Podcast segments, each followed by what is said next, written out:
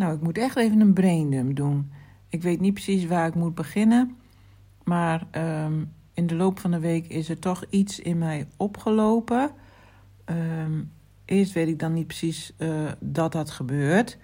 En ik weet dan eigenlijk alleen maar dat ik ehm, ja, niks weet te zeggen. Dus dan denk ik dat er ook niks is, snap je wel? En dan Ehm, nu denk ik, ik, heb ik dan zo'n zo voor mijn gevoel zo'n overload in mijn hoofd. Ik hou helemaal niet zo van Engelse termen eigenlijk. Maar ik weet zo snel even niet een ander uh, woord.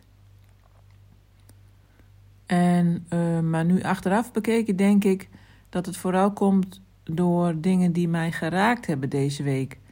Ik uh, had bijvoorbeeld dinsdag een uitvaart van een pianist die ik heb gekend. En ja, dan uh, kom ik daarna eigenlijk ook weer bij herinneringen uit.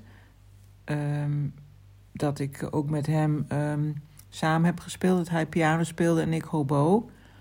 En uh, dus toen ging ik weer eens in mijn oude opnames neuzen. Ik, ik had geen opname van, uh, van hem, maar uh, nou, dan kwam ik weer allemaal oude opnames tegen. En um, dus ik heb jou even wat gestuurd.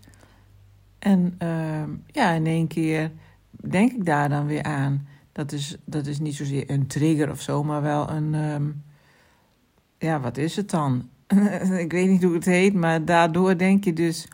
Ja, het is een linkje eigenlijk. Tegenwoordig geeft het natuurlijk alles een link.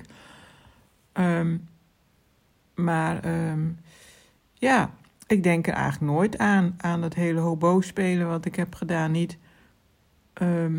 Maar nu, nu dacht ik er weer aan en, en het was eigenlijk best wel leuk om weer eens wat oude opnames te luisteren. Maar goed, zo'n uitvaart, dat raakt natuurlijk altijd wel.